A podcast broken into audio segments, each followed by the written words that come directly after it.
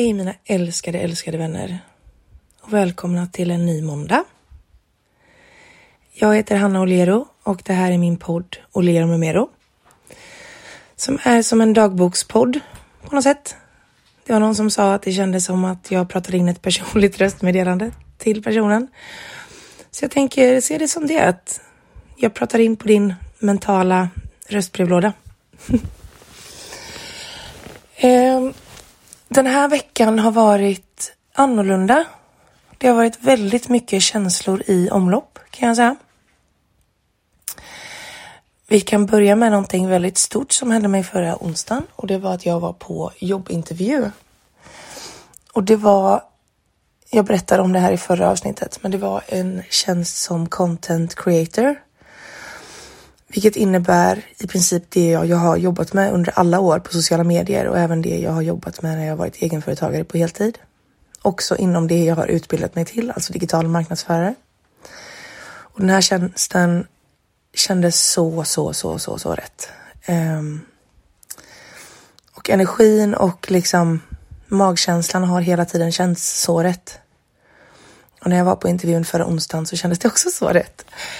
Rekryteraren var precis så som jag, alltså en person som jag precis liksom klickar med. Jag fick också träffa en produktionschef och han var också exakt så som jag gillar ledarskap. Det var väldigt mycket fart och fläkt. Det kändes som det var snabba puckar. De var doers liksom och jag gillar verkligen den typen av företag. Och när jag kom på intervjun så berättade de också att det fanns en annan tjänst som inte ligger uppe som copywriter. Och egentligen så är det i skriften jag är som mest säker. Och även om jag har jobbat som content creator i liksom åtta år som egen på både deltid och heltid och pluggat och hållit på. Så alltså jag har inte jobbat på ett företag som det, så det kanske hade varit lite jag tror att jag hade klarat det, men det hade också varit större utmaning på något sätt. Nu kommer det här också bli en utmaning, men. Så att efter intervjun så. Um, så kändes det som att, för då stannade jag kvar en stund med hon som var rekryterare och då sa hon att jag tror att du skulle passa bättre in, alltså i copywriter-tjänsten.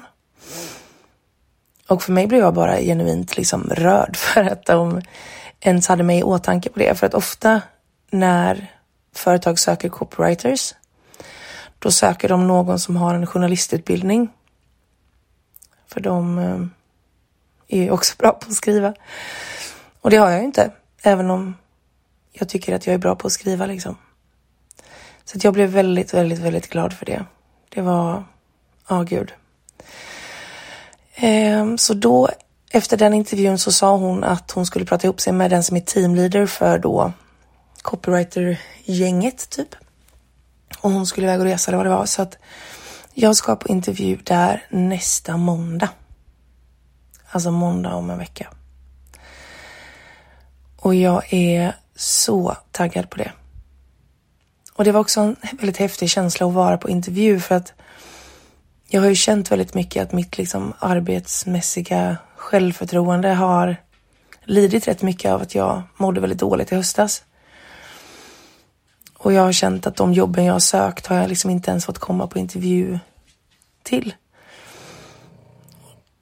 Okej, okay, om ni undrar vad det är som kommer knorrandes här i bakgrunden så var det nu att min pappa har åkt iväg på cykeltur och då kommer Maj in till mig som hennes goda andra alternativ. För er som undrar vem Maj är så är Maj min mops. um, så att den intervjun i alla fall, det var, det var så viktigt för mig att liksom komma ut och få gå på en intervju som är relevant för mig inom det jag har pluggat och det jag kan. Så jag kände bara redan hur mitt självförtroende liksom... Jag ska bara lyfta upp mig. Så. Nu får du inte låta så mycket. För nu håller mamsen på att spela in podd här vet du. Mm. Herregud. Eh, nej men det kändes så otroligt stort och viktigt för mitt eh, självförtroende liksom. Att får jag inte det här jobbet, nej men då har jag i alla fall jag har i alla fall kommit, kommit de har sett mig, liksom, de har sett mig och tycker att jag verkar som en intressant person och att komma på en andra intervju känns också jättestort. Så att det har ju också påverkat mitt välmående jättemycket att känna att wow, det kanske finns en chans att jag kan få jobb inom det jag pluggat, inom det jag kan. Um, och jag känner ju mer och mer att det, det är det jag saknar. För att jag saknar rutiner och en vardag som jag tror att ett jobb på det sättet skulle kunna ge mig. Och jag tror att jag hade mått väldigt bra av det. Um, så att, och sen så hördes vi på fredagen och bestämde då den här intervjun. Så det ska bli jätte, jätteroligt verkligen. Jag ska, jag har redan läst in mig väldigt mycket på företaget, men jag ska läsa in mig mer på, på den tjänsten och sådär. Så att jag kommer väl förberedd. Mm. och det var, lite också, det var en väldigt sådär annorlunda intervju. För att han som var produktionschef då var väldigt, han var väldigt eh, rak på ett väldigt så här ärligt sätt, vilket jag gillar. Till exempel så snappade han upp olika saker jag sa, som att jag då hade nämnt att jag hade kollat upp väldigt mycket om företaget innan jag var på intervju. Mm. Och då sa han det, han bara, men du har kollat upp det här. Eh, hur tycker du att vår hemsida bör utvecklas? Eller vad, vad tycker du ska förändras på den? Och det var faktiskt en fråga jag inte alls hade förberett mig på. Och det kan ju vara lite känsligt med tanke på att det är ju deras lilla bebis, liksom, deras hemsida. Så då tänkte jag lite och så, bara, så kom jag ändå på lite grejer som jag tyckte utifrån en användarperspektiv skulle kunna utvecklas. Bland annat att jag tycker att hemsidan skulle vara på svenska också. Den, nu är den bara på engelska. Och vi i Sverige är ju ovanligt bra på engelska, så det är kanske inget problem. Men om jag tänker utifrån ett marknadsföringsperspektiv så kan det, det kan göra att folk istället väljer en sida på svenska för det är enklare liksom. Typ lite sådana där grejer och det kändes som att alla frågor jag fick hade jag typ så bra svar på. Och det var en cool känsla att känna sig väldigt säker i, i min yrkesroll liksom. Eh, och sen så skulle han gå då. Och då frågade jag det, bara, hur känns det här? Hur känns det efter vårt möte nu? Och han bara så här, jag gillar dig. Jag gillar att du kan det du gör. Och jag gillar att du är lugn och du känns trygg. Och jag tror inte han förstår hur mycket de orden betyder för mig. Som tänker, som känner ofta att jag är allt annat än just lugn och trygg. Men när jag satt där så kände jag mig det. Jag kände mig bekväm i vem jag är och vad jag har gjort yrkesmässigt liksom. Så det var väldigt, det var väldigt stort att få vara på en sån intervju. Så att oavsett hur det går där så känner jag mig väldigt glad och tacksam för det. Um, en annan sak var ju då att Maj fyllde tre år i fredags. Gulle henne. Så vi var och åt på restaurang på Levantin som är en restaurang som ligger i Göteborg. Och de, alltså där är inte bara hundar tillåtna utan där är hundar välkomna. Jag tycker det är en väldigt stor skillnad. För vissa är ju sådana att man får ha hund, men det känns lite som en börda typ. Men de älskar hundar. Um, och personalen är så trevlig. Jag har varit där många gånger. Första gången jag var där med Maj var hon typ tio veckor liksom. Och eh, Nej, men de, är, de är så trevliga där, all personal. Jag, jag, tycker verkligen det känns som att de tycker om sitt jobb och tycker om varandra. Och det märks så tydligt när man är där. Så att, och så har de ju en hundmeny. Nej men det är för gulligt. Så att hunden får välja mellan högrev och råbiff. Maja valde råbiff och då valde jag också råbiff. Och jag valde en sån här råbiff med, de har den klassiska och den har jag ätit, den är supergod. Men så hade de också så här veckans råbiff. Och då var den lite annorlunda och då var den med så här brynt hollandaisesås. Det var picklad lök, det var schalottenlök, friterad persilja. Nej men det var så gott. Det var så mysigt. Och det var så mysigt att komma iväg varje jag och Maj. Fast jag känner mig lite som en sån här crazy dog mom som liksom satt och typ pratade med mig Mm. Mm, själv så. Men eh, det var väldigt, väldigt mysigt. Det var roligt att få fira henne. Vi hade också lite kalas hemma med mina föräldrar. Det var jättemysigt. eh, en stor sak, en stor negativ sak den här veckan som har påverkat mig väldigt mycket och som väl fortfarande gör det typ. Ehm, eller jag är lite låg fortfarande liksom. Det var att i torsdags så var det en cybersyster som skrev och skickade tre printscreens ifrån mm, bloggbevakningens kommentarsfält. För att bloggbevakning har aldrig skrivit om mig, alltså i ett inlägg. Men hon har en gång per månad någonting som kallas för öppet spår. Och då får man skriva, då får liksom, man får skriva vad som helst. Det är bara en, alltså, då är det liksom människor som kommenterar istället. Så hon skriver typ bara öppet spår och så får man skriva vad som helst. Och jag vet att det har skrivits om mig tidigare där. Um, och nu så stod det, nu var det många som skrev um, om mig. Och då blir det liksom som en tråd i kommentarsfältet liksom. Och det, jag har insett att det blir alltid så här när jag får den typen av eh, personliga påhoppsmeddelanden typ. Att det börjar med att jag blir typ matt och läser det och bara, men alltså snälla vad är det här? Snälla. Och typ ta inte åt mig jättemycket i början. Och sen så går det några timmar och sen kommer ångesten och sen kommer ångesten och sen kommer självhatet och sen till slut så blir jag helt förstörd. Och så var det även här. För det som det började med att det var någon som skrev att jag var den absolut mest självcentrerade människan i hela världen. Jag var så full av mig själv. Jag var, ja, det var så mycket som jag var. Att jag var totalt gränslös och var bara tragisk typ. Sen så var det någon annan som skrev att den höll med om det. Och så var det någon som skrev att den inte höll med. Och så var det någon som skrev då att ja, ah, gud, det här är min favoritperson att hata på Instagram. Som att jag är någon som liksom skriver provocerande saker. Och så var det då någon som skrev att eh, de tyckte så otroligt synd om mina föräldrar. Som torkar mig i baken även ifall jag är 35 år. Vilket jag inte är. Jag fyller 30 om en två månader. um, och bara att, och det var också så här. De skrev om hur jag är i lives till exempel. Mm, alltså det, och det var det som när ångesten kom så var det just det att det kändes som att det här är människor som varit inne i mina lives.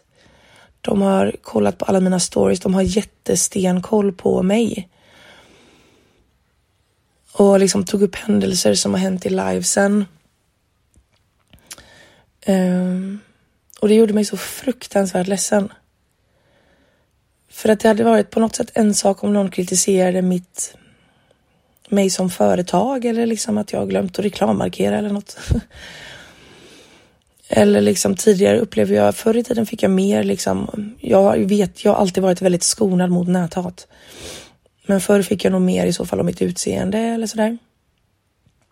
Men här blir det liksom, man kritiserar inte mig som varumärke, man kritiserar inte, utan man kritiserar mig, hur jag är. Ehm, det var också någon som tog upp att ehm, att jag då aldrig interagerar med mina följare. Att det är så himla löjligt att jag säger cybersystrar.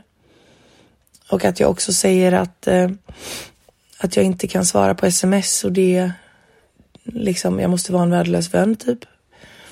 Mm, och att jag på något sätt friskriver mig från vänskaper. Och det blev så otroligt. Det nådde så starkt in för det var också så många bitar som jag själv tvivlar på när jag har dåliga dagar. Att jag själv känner mig otillräcklig för att jag inte kan svara alla på DMs. Att jag själv känner att jag inte är en tillräckligt bra, bra vän för att jag inte kan höra av mig så pass ofta. Att jag själv känner att eh, eh jag kan känna att det är jobbigt att mina föräldrar ger så mycket till mig. Vad jag gör dem? Alltså ni vet, svaga dagar så är det mycket i tvivlet liksom. Och då när någon skriver det på ett forum där alla kan läsa och sätter mig i en kontext som bara blir så fel. Och det är också så anonymt liksom. Um, så jag blev helt knäckt verkligen på kvällen. Och mitt problem när jag får så mycket ångest och så mycket självhat liksom. det är att jag stänger in mig. Ehm, jag stänger av min telefon, jag svarar inte och då var det ju många av mina vänner, mina bästa vänner som skrev liksom och var så fina och bara ja, dementerade det som de hade skrivit och det är ju jättefint. Och jag var så glad för det. Men det är fortfarande på något sätt, skadan är ju gjord liksom. Eh, så jag skulle träffa två kompisar på kvällen, vi skulle gå på quiz eh, och jag ställde in det för att jag bara, jag vill inte gå utanför. Jag vill bara låsa in mig själv i mitt flickrum och liksom aldrig lämna. Och jag hatar också att jag vänjer mig liksom aldrig. Eh, utan jag blir verkligen genuint jävla pissledsen. Jag blir också ledsen på mig själv att jag då stänger in mig och att jag inte då ber om hjälp från mina nära liksom. Men det som var så fint den kvällen var att efter några timmar så ringde det på dörren här. Och jag låg i mitt rum och bara ville försvinna från jorden. Och då öppnade min pappa och då så hörde jag två stycken som sa Ja, ah, men vi tänkte bara kolla om Hanna är hemma. Och då stod de två kompisarna som jag skulle träffat på quiz. Då stod de utanför dörren. Då hade de åkt hem till mina föräldrar och hade köpt en liten påse med typ så här, mina favoritgrejer och typ så här Ferraribilar, ostbågar och lite kakor. Eh, och det gjorde mig så glad. Eh, så då blev jag gråtig för det med liksom. Och sen eh, så då tog vi en promenad med Maj och sen så kom de in och så drack vi lite kaffe och typ åt lite ostbågar och bara myste. Och det gjorde mig så varm för mitt stora problem är ju just det att jag inte kan be om hjälp när jag är ledsen. Och de såg det och såg igenom det och ja, de kom och det betydde så mycket. Och det var så fint för den ena sa det, för då har vi ändå känt varandra i ja, men snart fem år. Hon bara, jag har alltid känt att jag kan räkna med dig. Jag vet att du kommer dyka upp när du säger det. Alltså, behöver jag dig så finns du där. Även om vi inte har den här vardagliga kontakten typ. Och det kändes väldigt fint. Det, det gav väldigt mycket att de kom den kvällen. Men mitt problem blir ju där också att jag känner mig inte trygg på mina sociala medier när jag känner att det finns människor som är där och som kollar på allt jag gör, är med på mina lives i med liksom en, en agenda som inte är välmening. Och det kändes väldigt jobbigt att Alltså jag tänker ju mycket på vad, hur jag skriver saker för att, och jag skriver ju alltid utifrån mitt eget perspektiv för att inte på något sätt peka några finger på hur man ska leva eller vad man ska göra. Det är ju verkligen inte det jag vill. Jag vill ju bara så här, så. Och jag skriver kanske inte jättemycket om mina privata relationer för att de är för mig privata. Likadant som att jag inte jag delar inte saker som andra skriver till mig på DM så ofta. För jag tycker också det är privat. Och, alltså, det är inte så att jag vill lägga upp det för att jag skulle kunna lägga upp hur många fina meddelanden som helst. Men för mig blir det bara så här konstigt om jag skulle göra det. Och typ nästan lite så här skrytigt. Kolla här vad folk tycker att jag är cool. Eller ja, cool kanske, men så här. Det blir så här konstigt. För mig är det jätteprivat. Och så därför skriver jag aldrig ut det. Och då kan jag kanske förstå att man tror att jag inte interagerar för att jag inte svarar på eh, kommentarer i bilder liksom. Men jag, ja, jag hatar att jag också känner att jag behöver försvara mig i det här. Och att jag försöker eh, liksom känna att jag behöver försvara vad jag gör för mina föräldrar. Och det var det som, som gjorde mig nog mest ledsen, att jag då känner jag mig skygg och då känner jag mig rädd för att dela. Då känner jag mig rädd för att dela privata saker. Um, och liksom, jag vet inte. Jag vill tro gott om människor och det gör jag. Men det gör mig så ledsen att på något sätt människor har så starka åsikter när jag aldrig har försökt på något sätt att andra ska leva som jag gör. Eh, plus att om man då vet de här grejerna. Det var som någon som skrev till mig sen, alltså ni har varit så gulliga den här veckan, herregud. Eh, det var någon som skrev sen att, att om man vet någonting om min bakgrund och, och de depressioner jag varit med om och också på något sätt hur skör jag är så är det inte snällt att skriva så. För att även om man tänker att det här kommer hon inte läsa, jag måste skriva av mig någonstans typ, så kan man inte veta det när man skriver öppet på internet. Och för mig är det så här, om man känner så här, det finns ju antagligen ingenting jag kan göra för att de känslorna ska försvinna. Men skriv dem i en dagbok då, typ. För det här blir bara så elakt. Och det... Jag önskar så att jag inte hade läst de orden. Och jag önskar så att personerna inte hade skrivit det. För det gjorde mig verkligen ledsen på riktigt. Och sen har jag också tänkt på det att det blir så typiskt för mig då att jag stänger av. Och att jag bara säger nej, jag nu, fan, nu stänger jag av min Instagram. Och sen ska jag bearbeta det här själv. Med mina nära liksom så. Men det är också på något sätt så här. Jag vill ju dela det här med er också, precis som jag delar allt det knasiga och roliga och sorgliga och allt liksom. Och det gör mig ledsen att de personerna vinner liksom.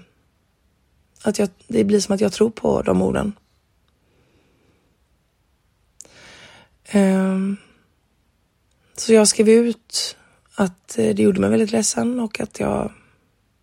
Och också det här typ att influencers ska ta skit. De, de ska ta näthat för det är typ en del i processen. Lalala. Och det är ofta många som liksom lägger ut och nästan driver om det och jag har varit exakt likadan. Att man man lägger ut och bara, men din stora tönt, godnatt typ. Eh, men sanningen är ju att, att det är ju människor bakom. Och jag, jag tycker ju verkligen att det är jättebra att influencers kritiseras för, alltså för vissa grejer, typ att man inte är bra på att reklammarkera. Eh, om man eh, uppmanar till någonting, kanske som unga följare kan läsa eller vikthets eller vad fan som helst. Men det är väldigt svårt att värja sig och försvara sig framför allt när det kommer till hur man är som människa. Och det är en sak om man också på något sätt är elak mot andra människor eller sårar någon annan. Och det upplever jag att jag aldrig har som avsikt att göra. Ehm. Och då fick jag faktiskt ett meddelande. Undrar om det var på samma kväll. På torsdagskvällen. Ja, det var det nog. För det är också så här. I och med att jag har bott hos mina föräldrar nu så har ju de sett. Alltså de, de ser ju när jag blir ledsen. Och att sitta framför dem och säga att någon har skrivit på ett nätforum att de tycker synd om mina föräldrar för att de har mig som dotter. Det känns ju helt fruktansvärt för dem. Hur tror ni att det känns liksom? När vi har världens finaste relation och vi har så öppen dialog och det är inte så att de upplever att vi, det är slitsamt att jag bor hemma eller de gör mycket för mig. Vi har en jättefin ömsesidig relation, en vuxen relation som både ger, liksom, det ger båda parterna jättemycket. Och det är liksom ingenting som jag ens vill behöva bevisa för någon, men det kändes som att jag behövde det och det gjorde ju dem ledsna att folk säger sådana saker. Och sen så var det en som skrev till mig på ett DM, jag tror det var på torsdagskvällen, som skrev att jag var en av de som skrev inne på bloggbevakning. Och jag inser nu att det var väldigt fel. Och hon skrev att eh, hon tänkte att jag inte skulle läsa det men insåg väl sen att det är klart att jag kan göra det.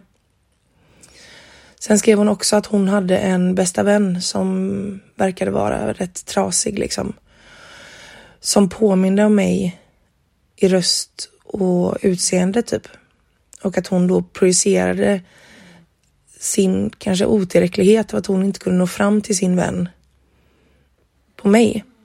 Och på att då avsky mig för att jag påminde om någonting som hon inte kunde laga.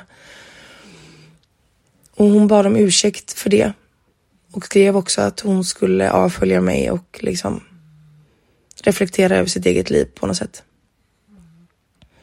Och det meddelandet gjorde mig både jätteledsen och glad liksom. Ehm, även om skadan på något sätt är ju redan skedd liksom. Säger man så? Skadan är skedd. Ja. Och jag tycker att det var, det var stort och jag tycker att det var modigt av den personen att skriva Eftersom att det hade varit så mycket enklare att eh, bara låtsas som att, eh, som att ingenting. Så att jag också så skrev hon eh, och så önskade hon att jag skulle förlåta henne och eh, sa att det behövde jag väl inte göra, men ja. Och då svarade jag och skrev att jag tyckte det var modigt att hon hade skrivit och eh, att jag uppskattade det meddelandet. Och så skrev hon sen igen tror jag, eh, typ att hon, hon skulle aldrig skriva någonting om någon på sociala medier på det här sättet igen. Och när hon hade skrivit det så svarade jag att hon var förlåten från mitt håll.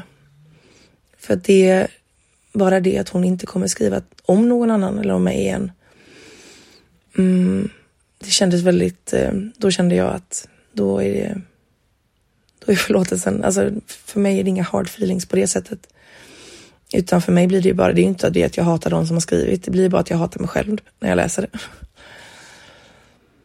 Och sen ett, en annan sak också var att när jag skrev ut det här inlägget, när jag var så otroligt ledsen i torsdags, då taggade jag bloggbevakning.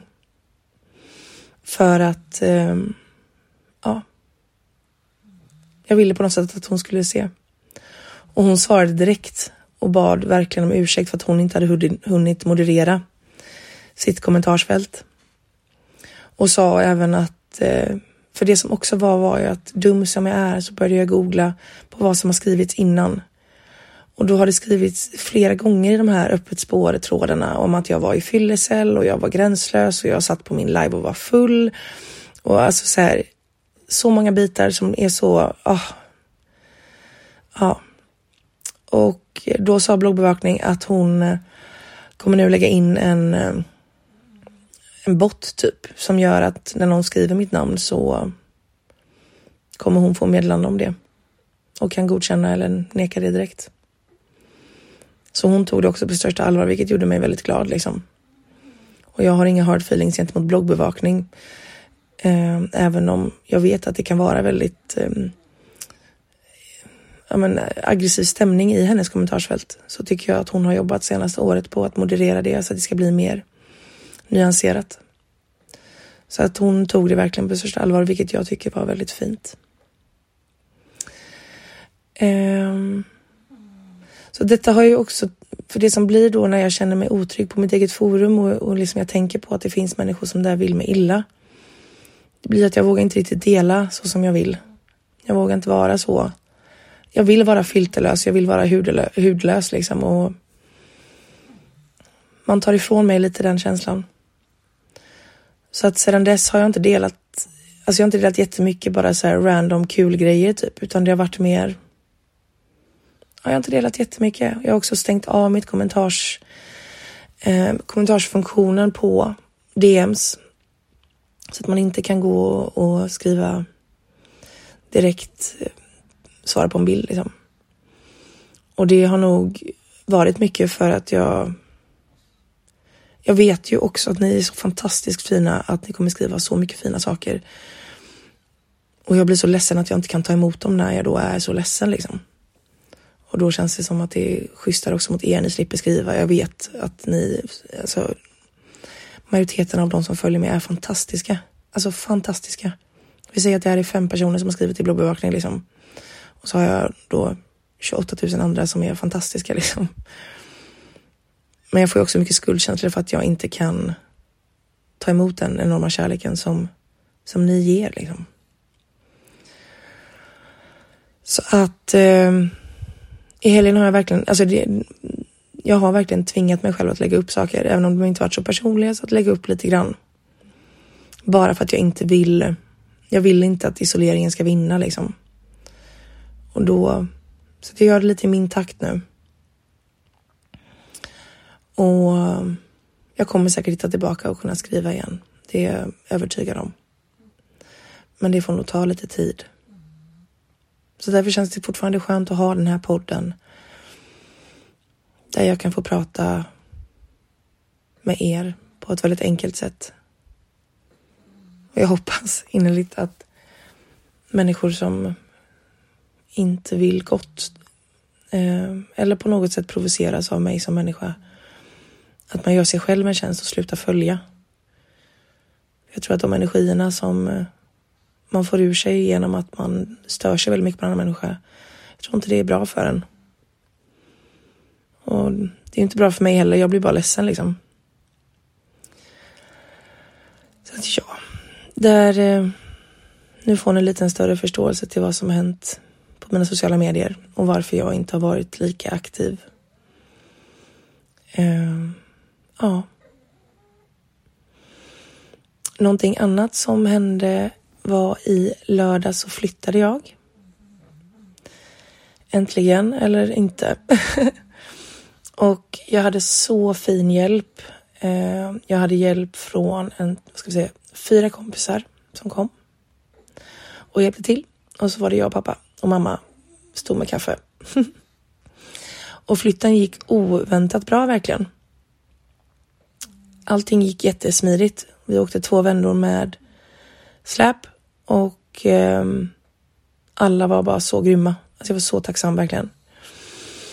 Och sen eh, så nu är liksom alla grejer, eller alla grejer förutom mitt rum var flyttade. Och sen igår så packade jag ihop allting i mitt rum. Så nu är liksom allting tömt. Så nu efter jag har spelat in här så ska jag åka bort till min lägenhet med min bil, lämna av grejer där, åka tillbaka, köra mina föräldrars bil som också är fylld, lämna grejer där och sen så ska jag och mamma i eftermiddag åka till min lägenhet och jag ska börja packa upp. Yay! Um, och det känns jättefint att vara tillbaka i lägenheten. Alltså jag älskar den lägenheten och jag älskar det området väldigt, väldigt mycket. Det gör jag verkligen. Det är och det känns också som ett steg. Det kändes annorlunda att flytta tillbaka nu. För typ, och det var också en sån sak som han sa på den intervjun förra veckan. Han bara, men vad, han bara, vi kanske inte behöver säga vad är du om tio, fem år, herregud, men vad, vad ser du dig framåt liksom? Och då sa jag det, jag bara, det känns som att jag har sprungit väldigt länge. Hela livet kanske. Och det känns som att jag nu vill, jag vill bara landa. Och när jag flyttade in i den här lägenheten då för ett, ska vi se, ett och ett halvt år sedan blir det väl ungefär. Eh, då kände jag ju att det här, här kommer jag bo hela livet. Men det var också, jag hade ju alltid den här flyktkänslan i mig hela tiden och att liksom alltid gå vidare eller liksom springa på och sådär. Och nu när jag flyttar tillbaka igen, det är som att välja lägenheten igen, välja Göteborg igen. Då känner jag inte det längre utan just nu känner jag att jag vill landa i den här stan. Och det känns väldigt fint. Samtidigt som att det känns också väldigt sorgligt att flytta ifrån mina föräldrar. För det, jag har ju bott hos dem sedan i november eftersom att Baram då har bott i, i min lägenhet. Och Baram är då en kille som bott hos min familj sedan 2017. Som nu flyttar in hos en kompis så han bor. Ehm. Och sen jag flyttade in i november, alltså vi har inte bråkat en enda gång. Vi har inte tjafsat en enda gång. Det har varit bara glädje hela tiden. Det är helt otroligt faktiskt. Mm. Och vi pratar ofta det, om det, liksom, att vi gör varandra bättre. Jag älskar att umgås med mina föräldrar. Alltså de är så... De tar fram alla goda sidor i mig. Och min mamma säger att jag är detsamma med dem. Och det är så fint. Och, därför, och jag tar verkligen inte det för givet eller ser det som en självklarhet utan vi har arbetat med vår relation under många år. Och nu är den helt otrolig. Och liksom när jag skulle flytta, eh, åka sista gången för då hade jag tänkt att jag skulle sova i lägenheten, sen sov jag hos BB. Eh, men ja. Och då så sa jag, så, så känner, för jag och min mamma vi känner väldigt tydligt varandras energier. Eh, och då sa jag det, jag bara, nu känner jag någonting hos dig. Hon bara, nej men det är, det är vemod liksom. Och så, så, här, så klappade jag henne på, på kinden och så, det sista jag sa till henne var liksom att Alltså förlåt men Maj, du snarkar väldigt högt nu. Mm. Nej men det sista jag sa till henne innan jag gick var hade det varit socialt accepterat så hade jag velat bo hos er hela livet. Någonstans så känns det så, eller så här. Jag hade velat ha min egen lägenhet, vilket jag har nu. För att det är klart att det begränsar mig lite grann med typ att träffa killar det är ändå en del av mitt eh, fritidsintresse så att mm, det påverkar. Men just att umgås med dem varje dag, att äta middag tillsammans varje dag, att liksom prata, eh, reflektera över saker. De är så kloka och allmänbildade och har så mycket kunskap. Det är helt otroligt att få uppleva det. och att just de personerna är mina föräldrar. Jag är så tacksam för det. De är helt outstanding personer som jag beundrar på två olika sätt, men så starkt. Och de här månaderna har varit helt otroliga. Det var ju som en bästis sa typ för några veckor sedan. Hon bara, du är aldrig så harmonisk som när du är med dina föräldrar. Och det är verkligen så. Jag känner mig helt i harmoni när jag är i närheten av dem. Så att jag kommer fortsätta att eh, nu så har mamma en plan och det är att jag den här veckan ska åka till lägenheten varje dag och packa upp och städa och hålla på och sen åka tillbaka och sover här i hos mina föräldrar. Så att jag liksom flyttar in lite successivt. Och min pappa ska åka på fotoresa imorgon till Trondheim och fota havsörnar. Så nu kommer jag hem och borta resten av veckan sen. Så då får jag ju... Nej men gud vad hon snarkar.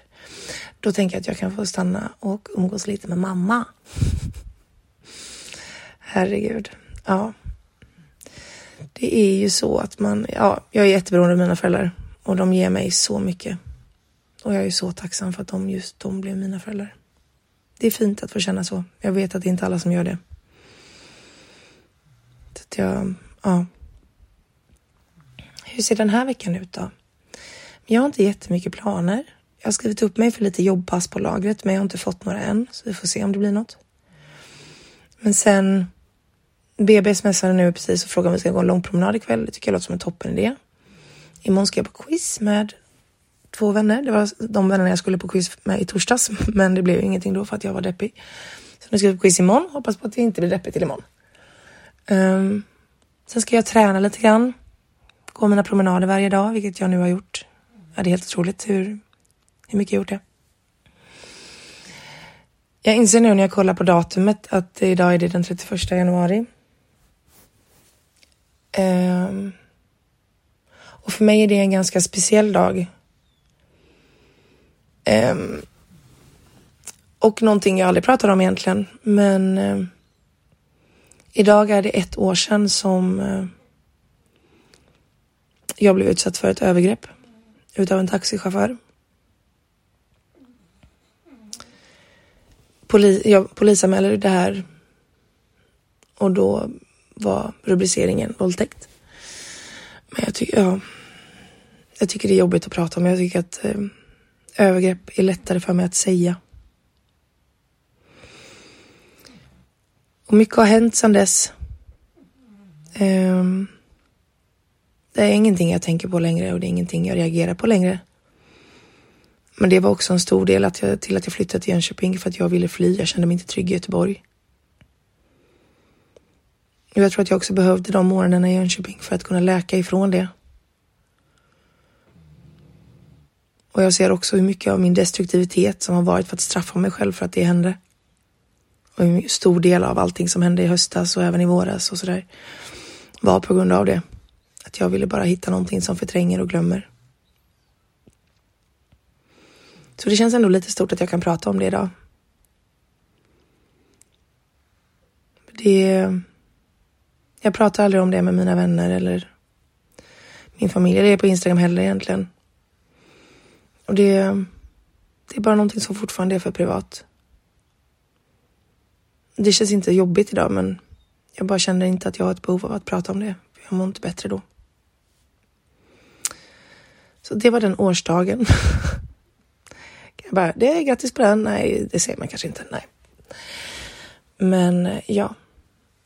Nu ska jag i alla fall köra iväg min lilla bil till min lilla parkering i Göteborg. Och ska jag fortsätta lyssna på en liten ljudbok.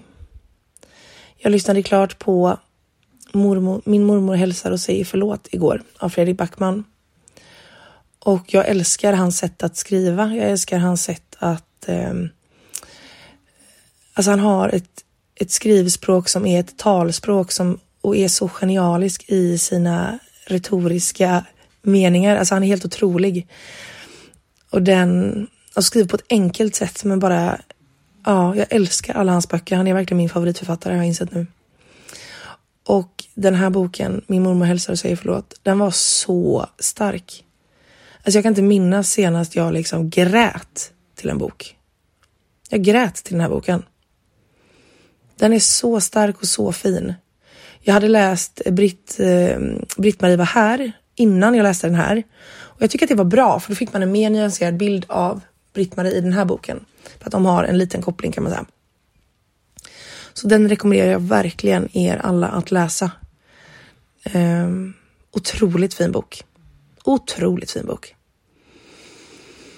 Och ja, senast jag kom på att jag grät till en bok, det var en bok som hette Rasmus plus Malin är lika med sant.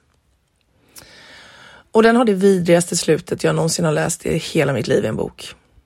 Alltså fruktansvärt. Så jag minns när jag läste ut den boken och jag var väl kanske 12-13. Jag låg också antagligen i en säng i det här rummet jag ligger i nu. och jag grät så mycket att jag rev sönder boken och slängde den. Och det har jag aldrig gjort. För jag har alltid, jag vet inte, men det här att förstöra en bok har liksom känts lite heligt på något sätt. Man gör inte det, man får inte göra det. Men eh, det gjorde jag då, för jag ville inte att någon annan människa skulle läsa den boken. Jag tyckte den var fruktansvärd. Så att, eh, ja nu, 17 år senare så, så eh, rev jag inte sönder boken. För att den var, inte, den var inte dålig, utan det var bara att jag grät för att den var sorglig. Men den är också väldigt, väldigt rolig. Jag skrattade mycket i den. Alltså så. Den berörde mig jättemycket. Så den lever kvar varmt i hjärtat. Den är väldigt fin.